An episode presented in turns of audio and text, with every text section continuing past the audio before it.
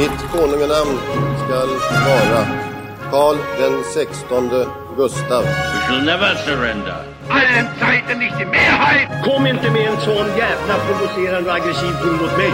Där har våldet triumferat. Ask not what your country can do for you. Ask what you can do for your country. Ska vi verkligen öppna en till flaska? Ja, vad fan har du att välja mellan? Skål, ta mig fan! I have a dream. Ah, I see you look at your leader. And I too look to you, Paul Bauma.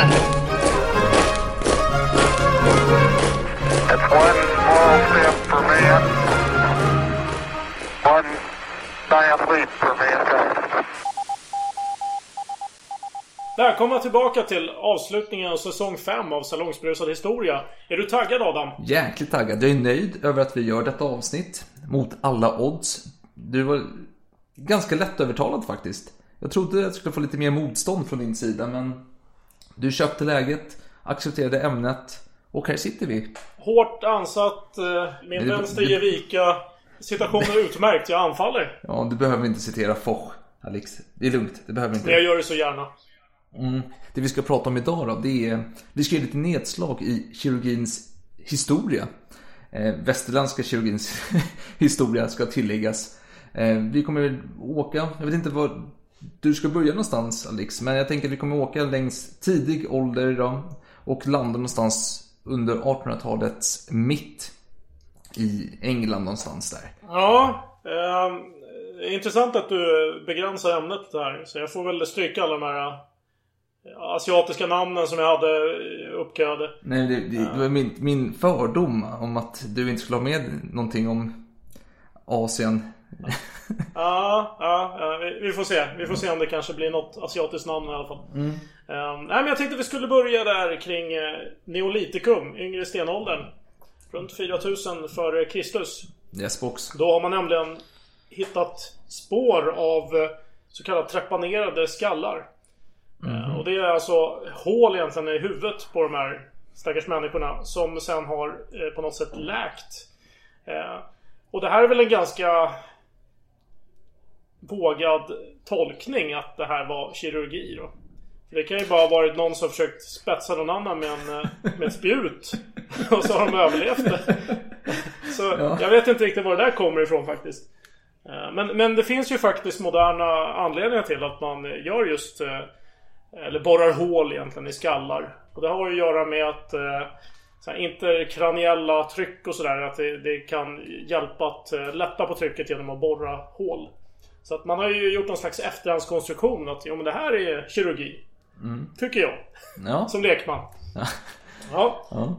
Vi fortsätter genom historien här. Vi går till Hammurabi, en kung från Babylonien.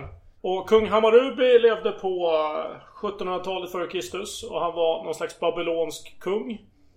Eh, och han eh, skrev en massa lagar. Och han hade bland annat lagar som hanterade vad som skulle hända när en läkare försöker skära bort tumörer. Och beroende på hur lyckat resultatet blir från den här operationen så kan läkaren antingen bli belönad med specificerat antal pengar. Kommer inte ihåg vilken valuta det är men i värsta fall så kan han få sina händer bortskurna. Och det står alltså i de här lagarna. Eh, Så där har vi bevis på eh, kirurgi kan man säga. Ja, vi hoppar framåt lite. Vi går till 200-talet efter Kristus. Då har någon Yuan Hua någonstans i Asien som utförde kirurgi med smärtstillande. Och det är ju anmärkningsvärt för smärtstillande var ingenting som man använde i Europa förrän på 1800-talet. När jag säger smärtstillande så menar jag ju mediciner för det ändamålet. Det var ju säkert så att man tog en sup eller liknande när man blev opererad tidigare. Men det var inte riktigt på så bra medicinsk nivå kan man säga. Och just det här med smärta var ju ett av de stora problemen med kirurgi, eh, den tidiga kirurgin. Just att eh, smärtan hos patienten och eh, risken att förblöda och risken för infektion. Det var ju eh, någonting som eh, många historiska kirurger fick leva med. Och det var kanske någonting som sänkte anseendet i det yrket. För det var ju många som dog också. Och då vill man ju som välansedd läkare kanske inte förknippas med massa döda patienter. Så då kan man ju kanske skicka det till någon annan att göra det. Eh, och då hoppar vi fram till läkekonstens fader Hippokrates som levde på 400 till 300-talet där före Kristus. Han eh, skapade mängder av medicinska begrepp som fortfarande används idag och eh, utformade läkareden som innebär eh, etiska förpliktelser som en läkare har mot patienter. Och man kan förvänta sig av en läkare. Och en del av innehållet är lite udda. Så som att man inte ska dela med sig av kunskaper utom till sin läromästares söner eller eh, läromästarens andra lärjungar. Ja. Men en del är mer rimligt då. Så som att avvärja sånt som kan skada de sjuka och att inte ge någon gift eller råda någon till att ta gift. I Eden så finns det ett särskilt stycke där Hippokrates uttryckligen skriver att läkare inte ska få ägna sig åt kirurgi eller eh, citattecken stensnitt. Utan överlåta denna praktik åt andra. Och stensnitt det är ju ett kirurgiskt ingrepp i urinblåsan som man eh, använder för att avlägsna urinsten till exempel. Men Hippokrates behandlingsmetoder var ju baserad på de här teorierna om eh, balans i vätskor och mm. eh, att det finns fyra kroppsvätskor. Blod, svart galla, gul galla och slem. Som kunde vara i obalans. Och vi har ju en eh, lärjunge, eller man ska säga, Galenos, som var en annan grek. Mm. Verksam i Rom på 100-talet. Mm. Så han var ju romare, för det var ju en del av, det var en romersk provins på den tiden. Ja, hans bidrag till läkekonsten byggde vidare på Hippokrates. Han kallades ju Galen på engelska. Men det har ingen koppling till galen då i moderna ordet. Nej, nej. Och han fick ju genomslag just för att han uttryckte att Gud hade skapat allt. Så då blev han ju accepterad av kyrkan. Ja. Och det är ju en av förutsättningarna för att överhuvudtaget vara relevant närmsta tusen åren kan man säga. Jo. Så att han var ju en auktoritet i över tusen år.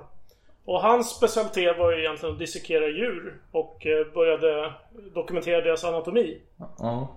Eh, han ägnade sig även åt mycket annat, inte bara medicin. Men har du hört eh, om hans anställningsintervju?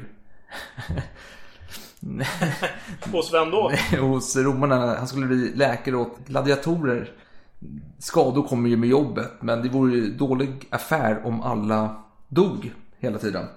Mm. Man behöver ju någon livmedikus här som kan eh, se till att de är friska.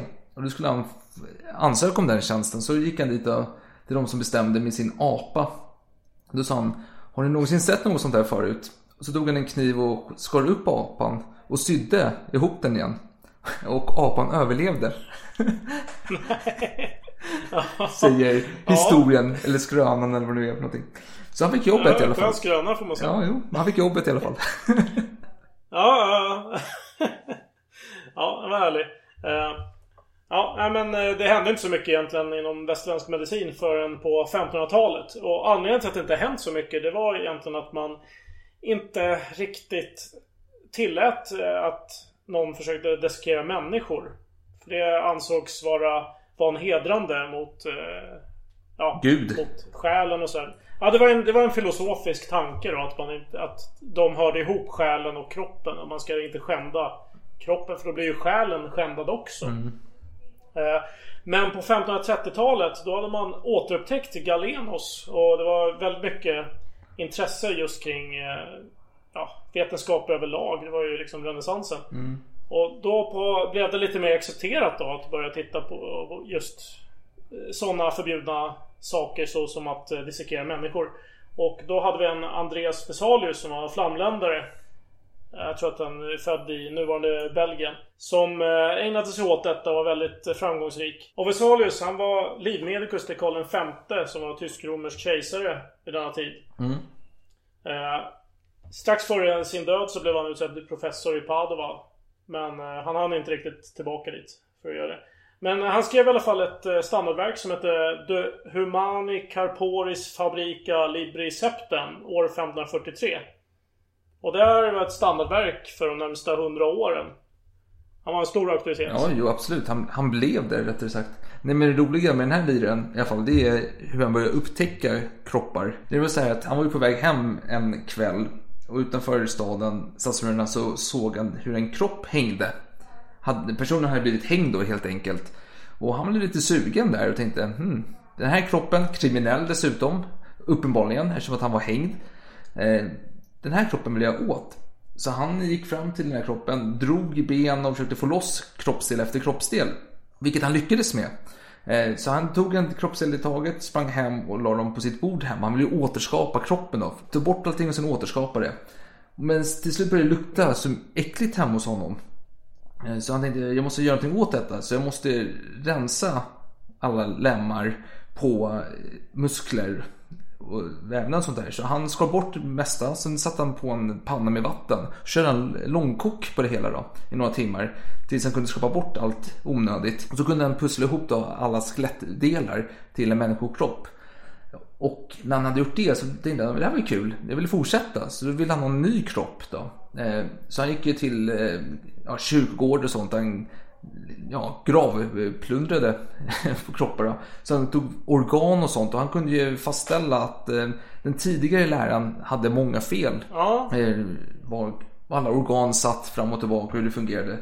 Så han som du skrev, han skrev en bok om detta också som blev väldigt populär och han satte väl lite vetenskapen i ett nytt ljus, eller under nytt sken. Det är fascinerande att någonting som skulle betraktas som grov kriminalitet idag var ett stort lyft för vetenskapen då. Men eh, läkekonsten är en ganska konservativ marknad och eh, nu händer någonting nytt. Musköten kommer och det blir nya former av skador. Ja men absolut. Och så då har vi ju till exempel den franska armékirurgen Ambroise Paré på 1500-talet där. Det var efter Vesalius men inte så långt efter. Nej, men han var den ofrivillige kirurgen, ska man väl säga. Han var ju barberare som blev tvingad ut i fält. Han hade ingen större glädje där heller för den delen. Nej, nej, det är ju bra att du säger det för barberare hade ju rätt verktyg just de hade vassa knivar så det blev naturligt att det var de som fick göra sådana här sysslor som att amputera ben och liknande. Eh, och han var ju då en slags barberare slash kirurg då, den här Paré. Eh, så han följde med ut i fältslagen. Ja. Och han var ju lite speciell då. Han hade ju ägnat sig åt vetenskapliga metoder. Att eh, han jämförde de här eh, traditionella behandlingarna av eh, olika krigsskadade människor med andra metoder. Och kunde ibland se att hans egna metoder var bättre. Jo, Till exempel så förespråkar han avsnörande förband, så kallade ligaturer av artärer istället för att bränna sår. Vilket är, också kallas kauteri. Och de här ligaturerna de hade definierats redan av de gamla grekerna. Vi går tillbaka till Galenos Hippokrates. Men inte varit i bruk egentligen sedan dess. Det var Paré som introducerade det här igen då. ja, jo absolut. Och du skulle säga att gemene metod på den här tiden på slagfältet var ju dels att hälla kokande olja in i såren och, eller bränna då. Och, och det orsakade ju oerhört stor smärta på, hos patienterna. Och sen hade det inte de här eh, antiseptiska egenskaperna som hans eh, varianter hade. Nej. Eh, så det här med oljan. Jag har lite mer om, om Paré. Eh, till exempel har jag en anekdot om att han eh, i ett fältslag så, som han var med i så blev en adelsman träffad i axeln. Och, av en kula då. Man kunde helt enkelt inte hitta kulan. Man vet inte riktigt ex- exakt var den hamnat. Så då bad han eh, offret då att placera sig i den positionen som han hade när han blev skjuten. Och på så sätt hitta kulan. Vilket han gjorde också. Så det var ju en slags här forensisk analys här av eh, hur, hur det gick till. Det är Ja, fantastiskt. skönt. Det finns en annan känd händelse som jag pratat om i tidigare avsnitt. Som han eh, faktiskt är en eh, bifigur i. Eh, I avsnitt 46, Oraklet i salong. Ja. Alltså där Nostradamus förutspår eh, kungens död där med någon... Vad var det någonting? Någon lejon ska förgås i någon bur eller vad fan Ja, var. precis. Det är någon turnerspel i alla Ja, fall. vi ser det. blir Henrik den andra. Kung Henrik den andre, precis. Han blir dödad Mm.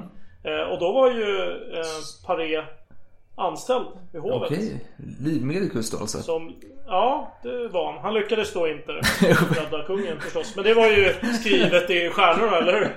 Precis, och vi avhandlar även detta i avsnittet Hor vid hovet. Då pratar vi också om eh, Henrik den andres död. Och andra saker han gjorde i livet. Ja. En annan egenskap han hade var att han var ju hugenott.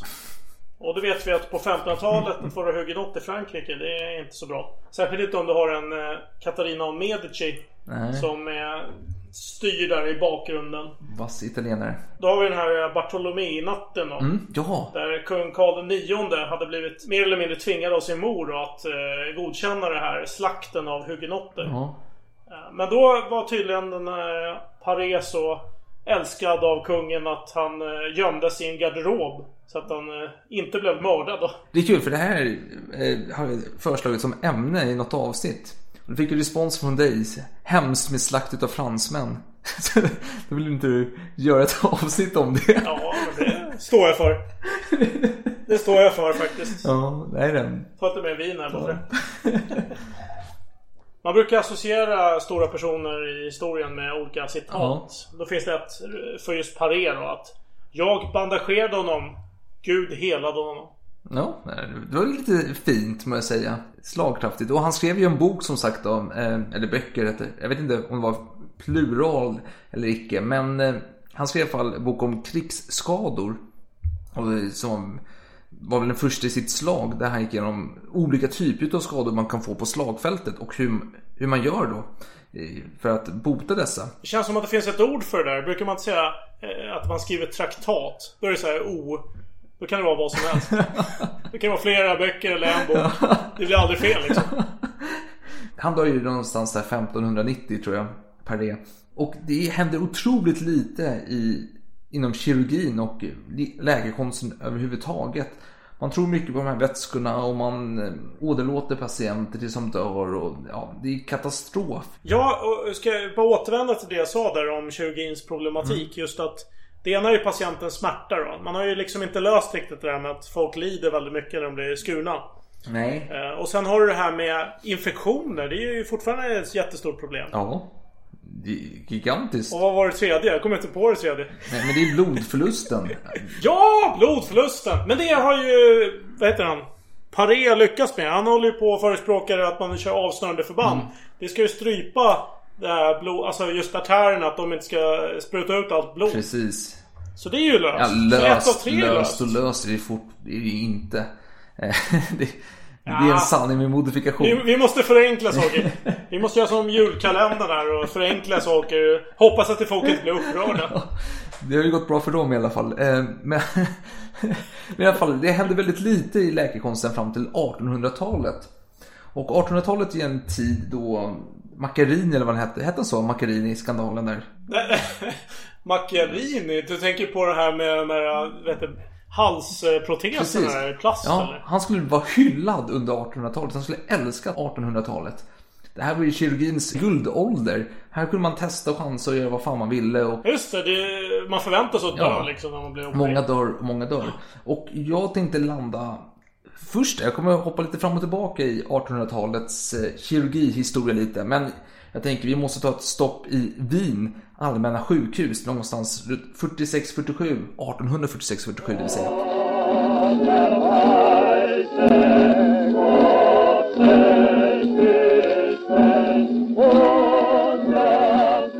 Man upptäcker att många kvinnor dör efter förlossning.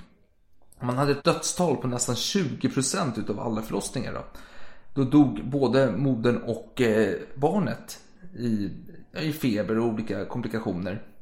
Och man gjorde på den tiden då det enda rationella och skapade två avdelningar i förlossningskliniken. Den ena var det endast för barnmorskor och den andra var för läkare. Då. Och detta skulle ju då betyda att färre dog på avdelningen för endast läkare och fler skulle dö på avdelningen för barnmorskor. För det är naturligt. Och då skulle jag säga att läkarna hade ju bättre utbildning och eh, barnmorskor var ju dessutom kvinnor. Så det, det förklarar ju sin del tycker man på den tiden.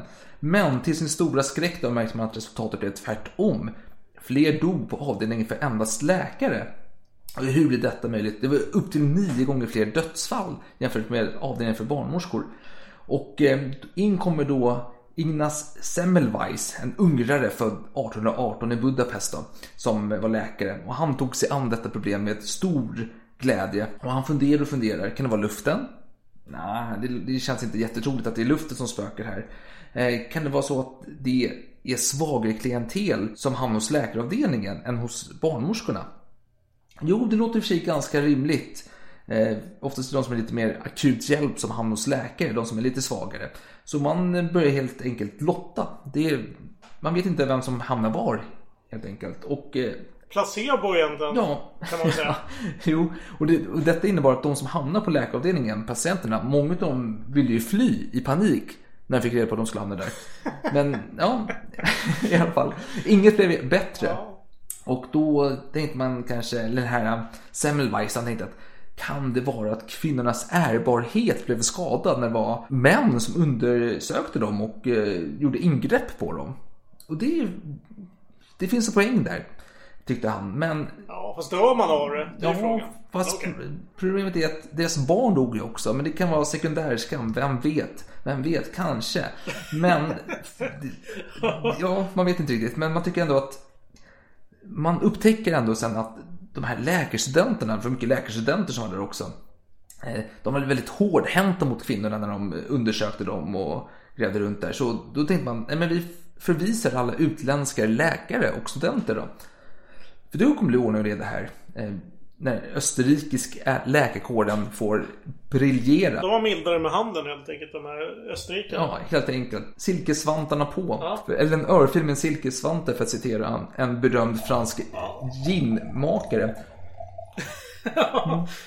Precis. Men ja, folk dog ju fortfarande i lika hög utsträckning. Då kan det bero på kvinnornas natur kanske, att de kom från lägre klasser. För kvinnor i de högre klasserna, de dog inte, för de födde hemma. Ja, det så kan det vara. Men varför hade då barnmorskeavdelningen lägre dödsantal än läkaravdelningen? Det var ändå hyfsat samma klass och man lottade ju bara vilt. Och, och eh, då tänkte Semmelweis, "Nej, det är något lurt detta. Så han satt och tänkte på sitt kontor en dag och så upptäckte han då att prästen går runt mycket i korridoren för att ge sista välsignelsen till de kvinnor då som låg i barnsängsfeber här och skrek ut och smärta. Så han tänkte, det är skräck. Han skrämmer upp de andra kvinnorna så de mår dåligt och dör. Ja, varför inte? Så han tog ju snack med prästen om att han skulle sluta ringa sin klocka. Men han gick runt med sin klocka där och ringde fram och tillbaka. Ja, nej men det, det stressar ju. Ja. Då dör man ju direkt alltså när de ringer klockan. Precis. Nej men, det, nej, jag- vill inte ringakta det här för det, det var ju stor gudstro på den tiden. Så det, det, det kan mycket väl ha iscensatt allt möjligt. Ja. Det vill jag inte spekulera i. Ja, fortsätt. Men prästen förstod och han slutade ringa klockan men gick fortfarande runt fram och tillbaka i korridoren då. Men det hjälpte ingenting. Mördaren och dess barn dog fortfarande. Och Semmelweis behövde då rensa huvudet. Han hade kommit till vägs ände nästan. Så han bestämde sig att han måste rensa huvudet. Så han drog på semester till Venedig då som var under österrikisk eh, kontroll under den här tiden. När han kom tillbaka efter sin semester, när han hade upp sig ordentligt, fick han nyheten om att hans käre vän, tillika kollega och läkare då, hade avlidit i samma symptom som alla mödrar hade gjort då. Feber och svullnad och utslag fram och tillbaka. Och det hade gått ganska snabbt dessutom. Semmelweis eh, noggrant så han läste rapporterna och obduktionsmaterialet upptäckte då det som hela tiden hade funnits framför han och alla andras ögon men som ingen kunde se med blotta ögat. Var det som Poirot alltså? Ungefär. Hans gråceller jobbade hårt där Och han fick en uppenbarelse. För läkarna sprang ofta mellan bårhuset i sjukhuset och förlossningssalen. För det låg oftast i samma byggnad. Dels så tränade man ju utförde obduktioner på människor, kadaver och så vidare. För att sedan bege sig till förlossningssalen och hjälpa kvinnorna att föda eller undersöka dem. Och på den här tiden så bytte man ju inte förkläde eller instrument mellan operationerna. Så, och, och ofta kommer ju en odör med läkarna när de steg in i salen. Eh, odör utav lik då. Och, eh, men en läkare skrev då en anteckning om att han fann att kvinnorna tyckte det var upphetsande med den här doften. att de uppskattade det. Nej! Så det var, väl, det var väl inget konstigt med det tyckte han. Men Semmelweis upptäckte då att hans gode vän hade skurit i ett lik eh, och sedan råkat skära sig i fingret med skapellen. Så kopplingen måste finnas där. Det är någonting som överförs från kadaverna till människokropparna och som gör att människan dör. Fast, eh, han, han dog alltså den assistenten som blev skuren eh, med den här skapellen. Ja, ja han, han, han, han är död. Han är död. Så Semmel, Semmelweis upptäckte att någonting måste vi göra. Det är jag och mina kollegor som har dödat hundratals kvinnor i förtid. Vi är skyldiga till deras stöd här. Så han kom på, hur ska vi förhindra detta? Så han började testa att rengöra instrumenten. Och han rengjorde dem med kalciumhypoklorit, heter det. Och samt så ska du tvätta händerna. Nej, men så han satte upp lappar, han har inte, han har inte eh, kollat läget med cheferna på sjukhuset om han fick göra det. Men han satte upp lappar i alla fall att rengör era händer, tvätta dem med vatten först och gärna det här medlet, kemikalierna och kan få resultat. Man märker att eh, barnadödligheten och mödradödligheten sjunker drastiskt. Ja, men det är bra. Det är bra med resultat. Ja. Det får man säga. Ja, och, och de märker då att de ligger till och med under eh, barnmorskeavdelningen här. Då. Ja men det är bra. Det, ja, men det, det är bra. Det, det, det, här, nu ska jag använda eh, så här, chefstermer här, men det är ju KPI som eh, imponerar. Det här är, det är bra. Ja men det här, det här betalar vi mer för. Fast det gjorde de inte. För det så här ligger till.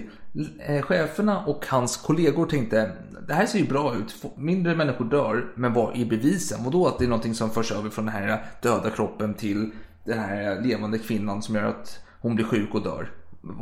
Kan du bevisa vad det är för någonting då? Vad är, det- vad är det som förs över det här? Och det kunde ju inte Semmelweis. Han hade ingen koll på, det, på detta. Men alltså det här är ju pluspoäng till cheferna som ens ifrågasätter när någon kommer med bra resultat. Varför kom du med bra resultat? Alltså det, jag, det, jag tycker jag gillar det här. Jag gillar det här gamla sättet att tänka.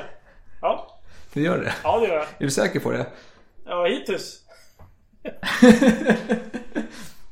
Nej, men alltså, han börjar tjafsa mycket med sina kollegor och säger så, men skärp er, ni måste göra som jag säger. Tvätta er, tvätta instrumenten, byt förkläde innan ni går in och förloss, eh, ta hand om förlossningen och så vidare. Men då börjar läkarna, hans kollegor säga, men vad fan, man, man får ju säga torr hud, ex, hu, man får torr hud och får lite utslag på huden och sådär. Utav det här medlet. Det, det, fan, det här är jobbigt, det, det, vi kan inte fortsätta med detta. Så man sparkar Semmelweis. Så han får bege sig bort tillbaka till Ungern då, Budapest. Där han får ta tjänst på ett sjukhus. Och där implementerar han samma tankesätt. Och även där strålande resultat på detta sjukhus. Samtidigt som att det går sämre i Österrike, Wien, på det allmänna sjukhuset där han hade varit innan då.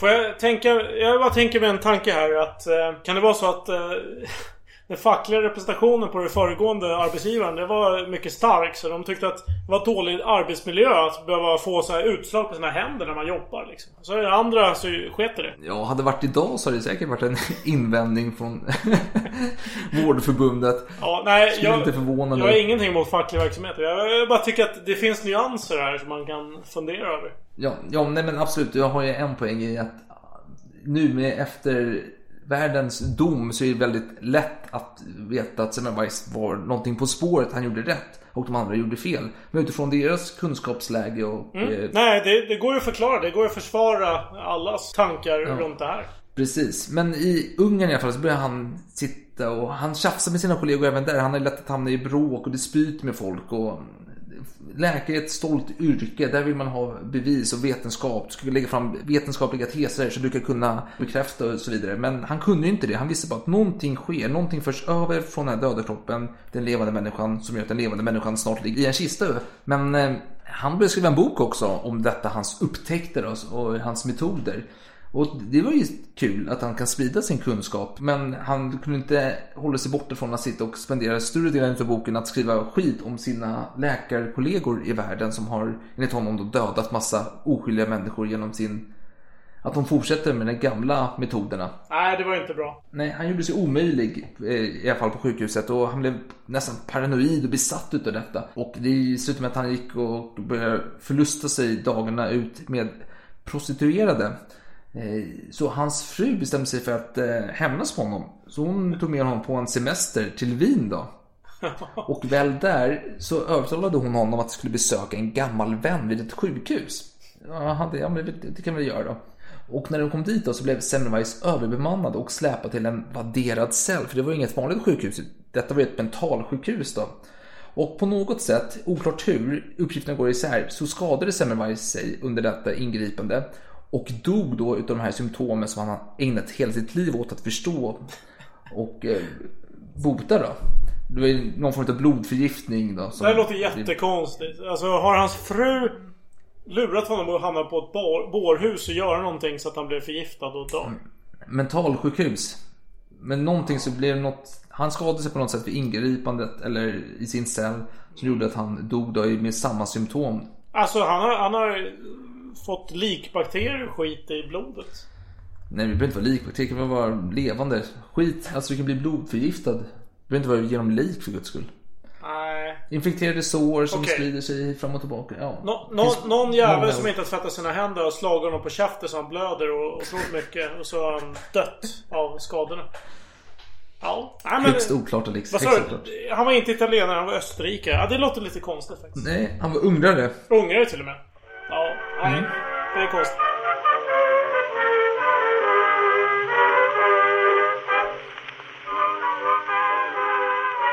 Men om vi backar bandet lite. eh, fortfarande på 1800-talet, men åker upp till England, eller Skottland rättare sagt. Då föds 1794, den 28 oktober, en liten pojke som får namnet Robert Liston.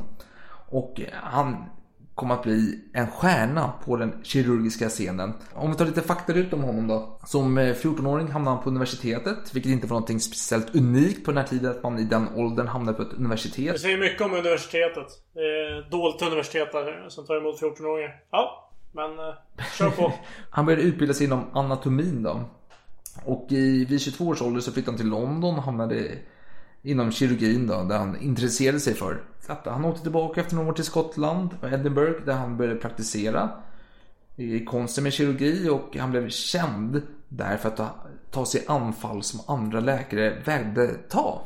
Just det som vi pratade om förut, risken med att eh, dödsantalen var ganska stora här. När, så man ville helst inte ta i fall där man var säker förlust då. Precis som de gamla grekerna ville ju eller Hippokrates, han vill ju liksom eh, skylla just de här kirurgiska angreppen på eh, någon annan än läkarna. Han vill ju liksom ta mm. avstånd. Det var ingenting han sysslade med. För det var ju alldeles för höga dödstal. Är det på, är det på samma sätt här som, nu, som han resonerar tror du? Ungefär. Eh, är det ett hopplöst fall så undviker man att få det här minustecknet i statistiken då. Men han blev, eh, han blev av med sitt jobb då. För han var bråkig jäkel också. Han var stor och skrämmande typ.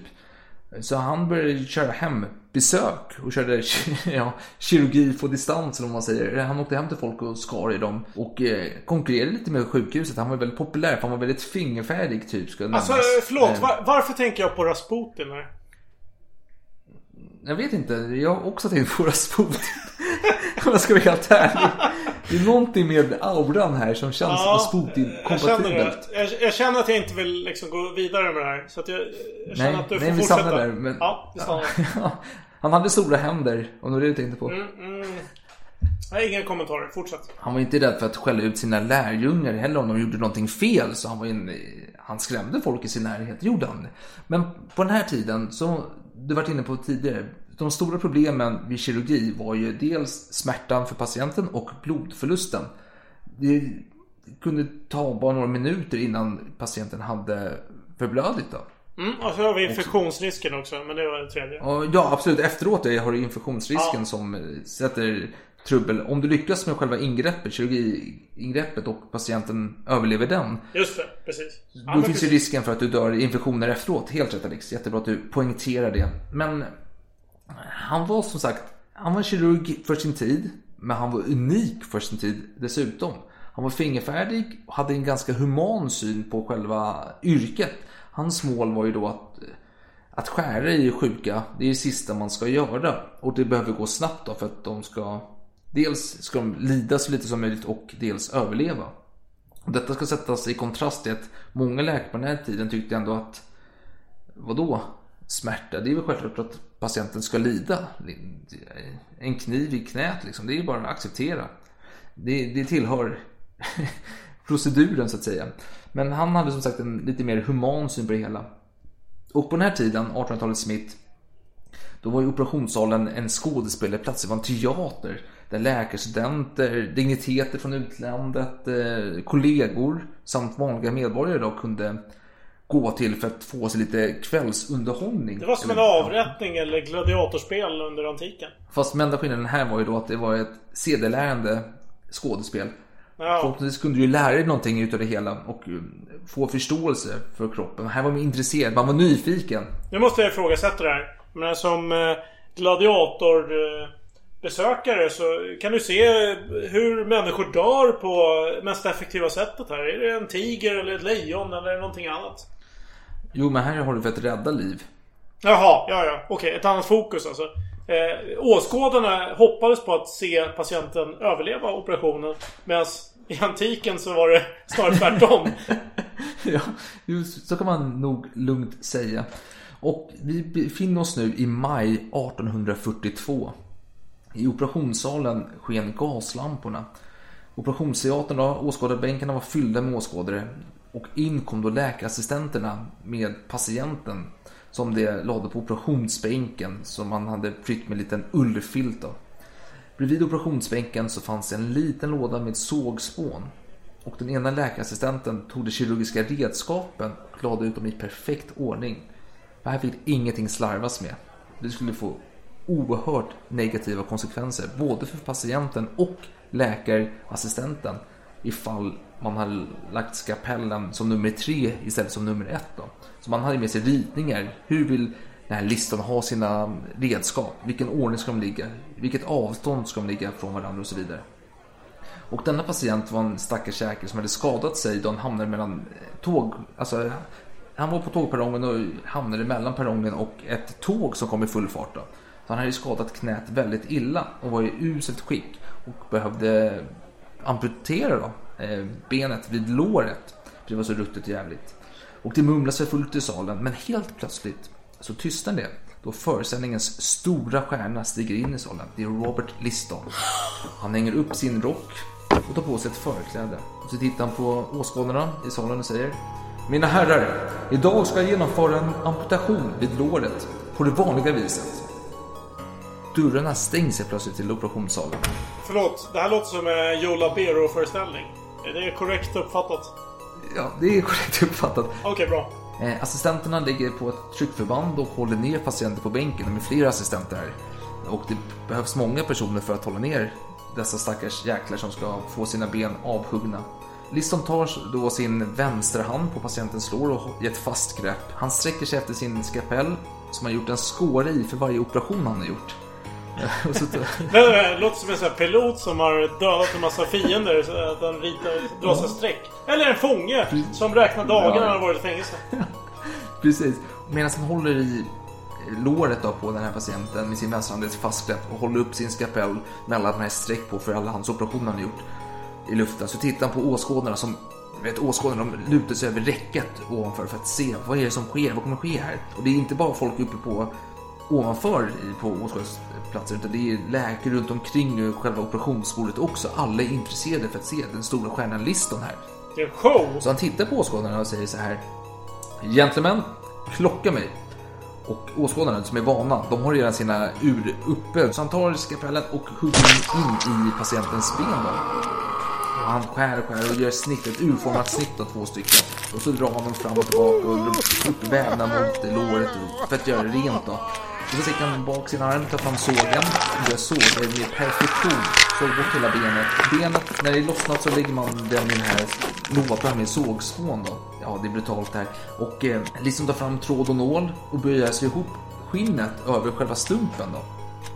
Och applåder sker. Han är klar. 30 sekunder tog det. Wow! Och, och patienten överlevde. Han ansågs vara den snabbaste kirurgen i West End. Hade han ingen assistent där ens eller? Jo, ja, han hade assistenter som höll ner patienten och eh, så... gav honom kanske, höll, höll i benet rätt då, så att han skulle kunna snitta på ett bra sätt och så vidare. Om man ska översätta det här till någon slags modern station så är det ju som att en kirurg har ett antal eh, sjuksköterskor som eh, hjälper till här och assisterar honom.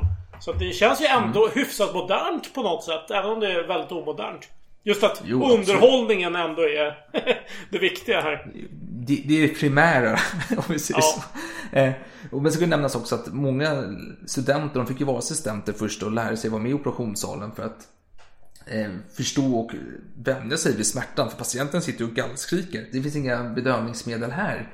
Utan visst, vissa använder alkohol, andra eh, hypnos och så vidare. Men ja, det är ingenting som är fungerar 100% då. Men i alla fall, patienten överlevde och eh, skulle nämnas att Liston hade en var sjätte patient dog under hans ingrepp, vilket ska jämföras med hans kollegor där var tredje patient dog efter kirurgiska ingrepp. Så han var ju väldigt duktig. Och mm -hmm. dels var ju snabbheten ett tecken på detta och att han dessutom var väldigt renlig av sig. Han bytte ju ofta förkläde mellan operationerna. Han tvättade sina instrument fram och tillbaka. Får jag komma med en, ja. Eh, en teori här? Ja. Just att han var känd och framgångsrik. Det kanske gjorde att han kunde kosta på sig att hålla sig ren och så här. Det var, det var en del av showen att han skulle vara ren och liksom proper. Jo, men många, ja, jo förvisso, men många utav hans kollegor, de satte ju en ära i att gå runt med samma förkläde år ut år in, om vi säger så.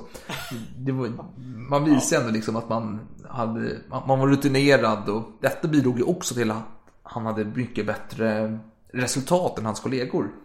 För på den här tiden så var ju, detta var en tid utav nepotism om man säger så. Många av de här läkarna på de prestigesjukhusen, de var ju tillsatta via kontakter och släktskap och de var ju rena katastrofer.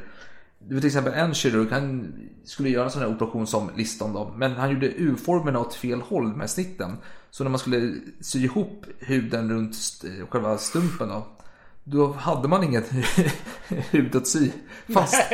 Man, så, så, ja, så det här blev blev helt förstört och så vidare. Och en annan eh, läkare, han skulle ju ta en, sig an en patient och eh, man skrev ner sina fall här, man gjorde anteckningar om fallet och det var en singeloperation då, han hade inga assistenter men han gjorde något ingrepp där och patienten eh, överlevde och var väldigt pigg efteråt men sen blev snabbt sjuk och dog några dagar senare. Och detta är ju otänkbart tänkte läkaren. För denna patient hade endast förlorat ungefär någon, en, en och en halv deciliter blod under ingreppet. Inte alls mycket blod, väldigt lite blod. Eh, Så varför skulle han då dö? För det var helt orimligt. Kan det vara så att läkaren har gjort något fel? Ställer han sig frågan. Nej, absolut inte. Denna man, patienten då, han var ju svag och var rädd för konsekvenser. Det var därför han, han var klen då, helt enkelt. Så det var därför han hade dött. Det var inte något läkaringrepp då som... Nej, det, är ett svårt påstående Mm. att säga det. Precis, men eh, Liston var ju inte helt, vad kan man säga, Men- han hade sina fiender. Han skapade många fiender och många historier gick om honom. Och eh, om de är sanna eller inte, ja det vet man inte. Eller, ja, det, om de är sanna eller inte får ni avgöra. Men dels så sägs det att han vid en amputation råkade skära av en testikel på patienten i förbifarten. Då. Och en annan historia är då att eh, han hade en patient, en ung patient som hade någon tumör. Eh, Och då sa läkarassistenten, men vänta nu, den här tumören ser ut att sitta på någon stor artär här. Vi kanske inte ska röra den. Och då säger Lisa, nej skärp dig, det är ingen fara. Så han satte in kniven i tumören och patienten dog då. Han var väl 12 år tror jag någonting.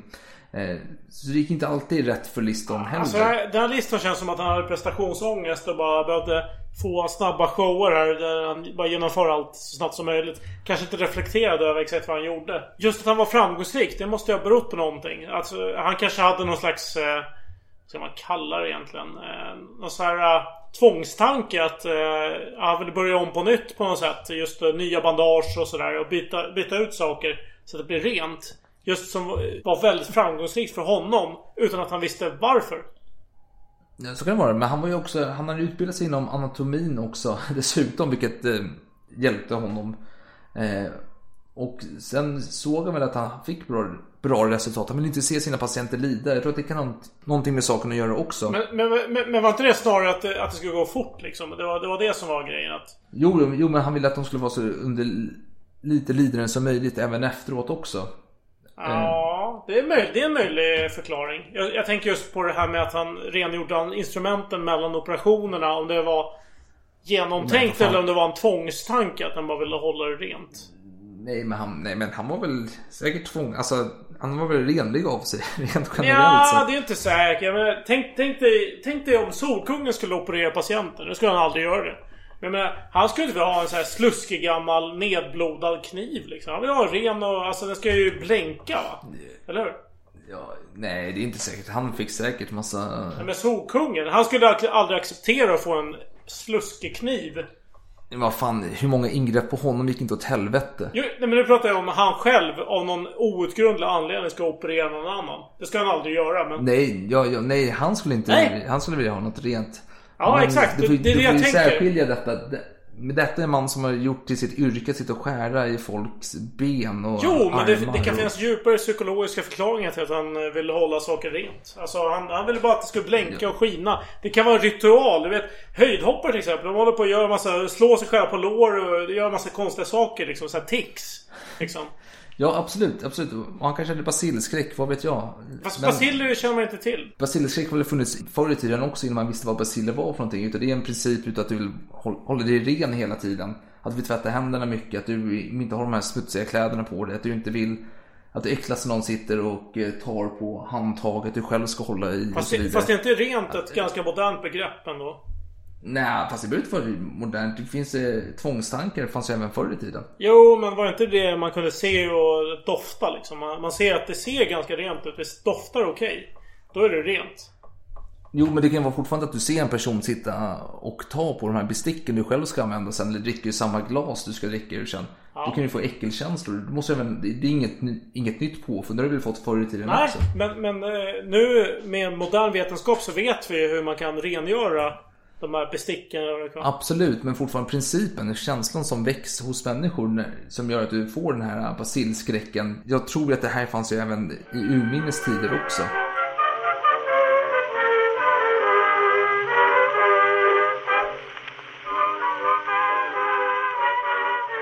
Och listan är väl mest känd för eftervärlden för en incident som utav många är ifrågasatt ifall den stämmer eller inte. Den har återgetts utav diverse människor under 1900-talet och 2000-talet. Olika läkare som skrivit böcker och så vidare. Och den gör gällande att han under en operation då skulle ha amputerat ett ben på patienten. Och medan han gjorde det, eftersom det här går ju fort, det här är ju tidtagning vet du. Du Mm. måste skynda dig om du ska hjälpa personen att överleva. Så han är, han är så in, upptagen med det han gör så han råkar snitta av fingret på sin läkarassistent. Eh, samtidigt så kan han sträcka sig efter ett annat instrument direkt efteråt och råkar då skära en läkarkollega som står som observatör bredvid i läkarrocken. Det slutar då med att patienten dör utav operationen, utav blodförgiftning eller infektion efteråt. Hans läkarassistent dör i kallbrand efteråt och den här läkarobservatören som trodde då att han blev knivhuggen i listan. För kniven skadade honom inte, men den kom in i rocken mot hans könsorgan då. Så han blev så rädd så han dog utav chock. Hur, vänta, jag, måste ställa frågan. Hur fan kan listan vara känd som någon slags framgång inom läkekonsten? Han går han springer han är stressad som en jävel här. Han känner bara Åh! Han har ingen stresstolerans överhuvudtaget. Han skär folk i pungen. Han typ dödar sina patienter. Alltså det är katastrof. ja, ja, nej men. så han hade 300% dödlighet under en operation då. Som, det väl, får man väl tro är en av de få i historien som har det. Men i alla fall, åren gick. Och eh, listan återvänder i historien, fast nu under bedövningens storhetstid. Det är en person som heter Frederick Churchill som hade problem med knät. Och han bärs in på operationssalen då, den här stora teaterscenen där folk står runt omkring honom. Och samma procedur som tidigare. Assistenten tar fram eh, de kirurgiska vad heter det, verktygen. In kommer Liston, publiken tystnar, alla tittar på honom. Eh, Liston säger då att idag ska vi testa någonting nytt. Vi ska testa den här amerikanska bedövningen. Och denna bedövning då är eter, etergas. Och som används i Boston under främst då gällande tandutdragning. Och eh, det skrivs då i USA om detta att när en liten pojke skulle få sin tand utdragen så testade man denna gas, getegas. Och ungen somnade, eller däckade helt enkelt. Och tandläkaren då drog ut tanden. Och sen när man väckte pojken, eller pojken vaknade ut över sig själv då. Så frågade man hur känns det? För detta gjorde ju ont på den här tiden. Och då sa pojken, det här var det roligaste jag gjort i mitt liv, dra ut en till tand. Och då tänkte man, men detta får godkänt detta medel. Så detta ska man nu testa i, eh, i London. Och Churchill, Fredrik Churchill, han var ju då ovetande om detta, patienten det vill säga, han visste ingenting om detta. Så Churchill fick bara en mask för ansiktet. Som ledde till en tub med den här etergasen.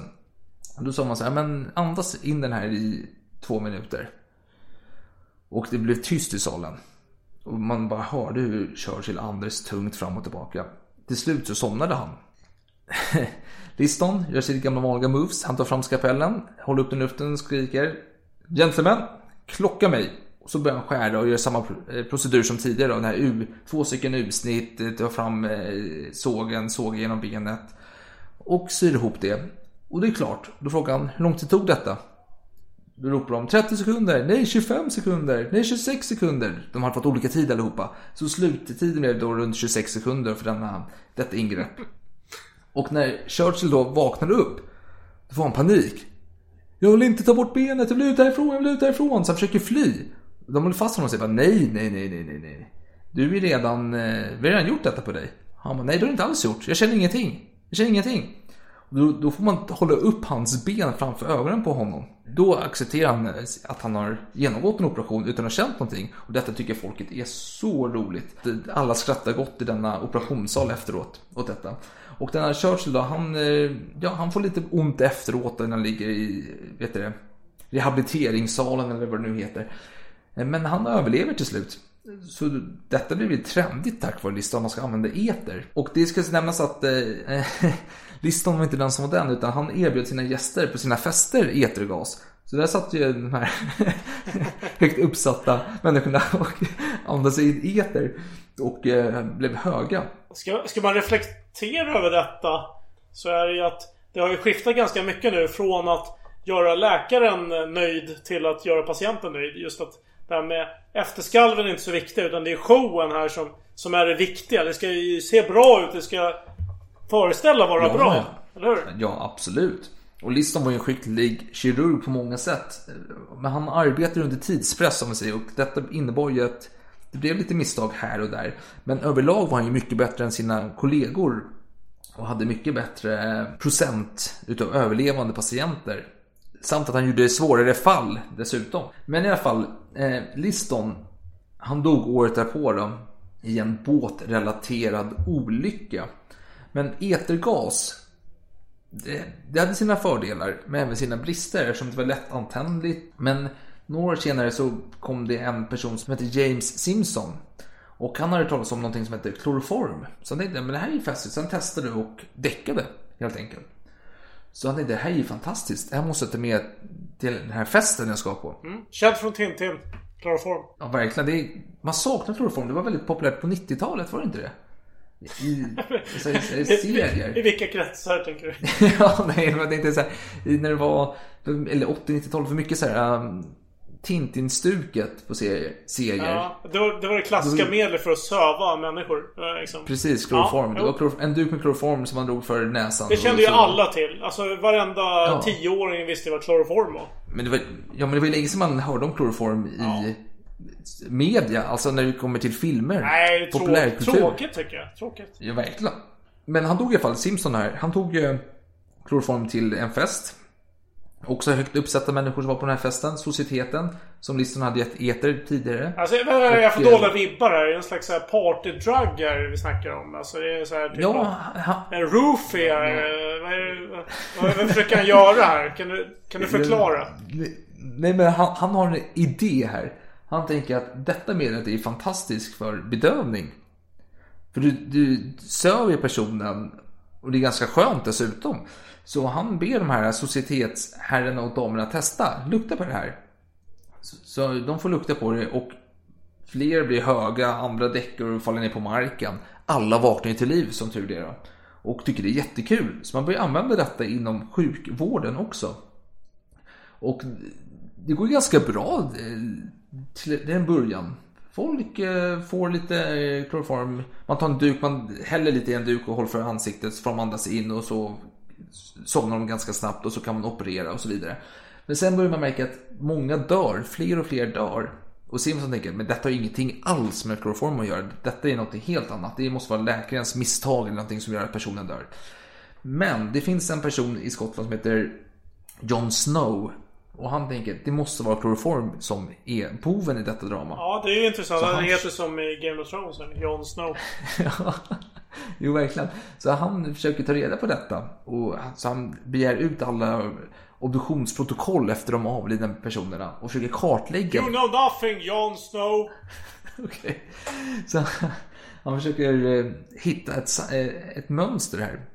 Och den upptäcker att de flesta som dör, de är unga, fysiskt god form, men ganska rädda av sig. Så han börjar göra massa matematiska uträkningar här och till slut så kommer han då fram till att lösningen, och det är halten kloroform man får i sig. Då tänker han att eh, för en ung person så krävs lite mer kloroform för att den ska bedövas eller somna in då. Ja, inte somna in den eviga sömnen utan någon timmes sömn här. Men ofta blir det den eviga sömnen eftersom att de får för mycket. För kloroform är väldigt farligt. En tredjedels eh, tesked söver dig och en halv tesked dödar dig. Eller kan döda dig. Och det här med att de är skräckslagna, det var teorin då var ju att eh, de höll andan så länge de skulle andas in detta. Så, så när de väl tog sitt andetag efter att ha hållit andan så länge så fick de in så mycket så att de dog. Men Simpson sa nej men det här är skit, det här, det här stämmer inte, det hittar bara på. Och det var få som lyssnade på Jon Snow då. Men till slut så byggde han en liten mackapär då som var, det var en gastub som kunde reglera hur mycket de fick i. Och på så sätt så lyckades eh, Snow då behandla folk utan ett endaste dödsfall. Och det ska nämnas också att eh, Victoria, då, drottningen i England, hon behandlades också med kloroform då. Och överlevde. Nej men det ska nämnas att en av de tidiga offren för kloroform, det var en 12-årig flicka som skulle operera nageln som hade växt in i tån på något sätt. Så det var väl det som fick Jon Snow att börja efterforska extra mycket i detta. Men det ska nämnas att eh, Jon Snow gjorde ju väldigt mycket för eftervärlden när det kommer till bedövning. Men Simpson blev i alla fall den stora hjälten. Han, när han dog så fick han en stor begravning och folk var ute på Ja. gatorna och sörjde och han fick monument efter sig och så vidare. Ja, men Dan- Danne Simpson har ju ändå gått lite på dekis här sen dess med OJ va? Ja. eh, men om vi, om vi ska summera just situationen där med att, att kirurgin Nej, hade men, tre... fan, jag, ja? nej, men, nej men på tal om OJ, jag såg ju Nakna Pistolen Ja, ja, men det är bra. Eh, bra. Fan, det, det, vilken, vilken klassiker alltså. Ja, nej, men det är ju alldeles klart. Ja, vad skulle du säga? Eh, det jag skulle säga var att det återkommer till de här tre problemen inom kirurgin. Dels det här infektionsrisken och den löses ju på den medicinska sidan här med ja, penicillin och allt vad det kan vara. Sen har vi det här med patientsmärta. Då, då lindrar man det med anestesi. Och det nämnde du ju nyss. Och sen har vi den här blodförlusten. Det kan man ju lösa bland annat med avsnörande förband och liksom ha lite koll på just eh, det här med artärerna och eh, man har ju möjligheter till eh, blodtransplantationer och så vidare. Så att det känns som att de här tre grundproblemen inom kirurgin är lösta. Det tog ju lång tid innan det blev så. Det ska också nämnas, jag nämnde ju inte det när jag pratade om Semmelweis, men det fanns ju en samtida med honom, Louis Pasteur då, som också höll på med detta med bakterier. Tyvärr visste inte Semmelweis om Pasteurs arbete. För det hade gett ju förklaring till hans eh, teser då. Pasteur skrev på franska då antar jag. Ja, jag antar jag att han gjorde. Det är väl alla fransmän. Gjorde han rätt i. Gjorde han rätt i. Fan, det är, väl, det är väl bättre att de som kan läsa franska överlever än de som inte kan det. Absolut, absolut. Nej, men om vi ska återkomma till den franska kirurgen Ambroise Parés definition av kirurgi. Så är det att eliminera det som är överblivet. Återställa det som har lossnat. Separera det som har blivit enat. Och att ena det som har blivit delat. Och reparera naturens defekter. Ja, varför inte? Jag tycker det är ganska gångbart. Det är flera hundra år senare. Då är det säkert ganska bra. Ja, ja det tycker jag verkligen. Det fungerar, det fungerar. Ja, vi skriver under på det. Jag skriver under på det. Jag skriver under på det. Men ska vi avrunda här Alex? Det tycker jag att vi gör. Eh, nu tar vi lite säsongsuppehåll. Alex behöver vila sin kropp och knopp. Och vi behöver förbereda oss inför alla kommande avsnitt. Är, är, blir det detta säsongen då vi kommer ta oss an Sara Bernhardt? Det är frågan. Det är, det är den ständiga cliffhangern. Som har hängt över våra huvuden i flera år. Ja, vi får se. Ja. Det är därför vi... Kanske dags för det. Ja, det kan vara dags. Men samtidigt. Vad är det som håller kvar ytterligare en säsong? Om vi kör Bernhardt-avsnittet. Precis. Men du, för att citera Jakob Dahlin. Skål ta mig fan. Skål ta mig fan.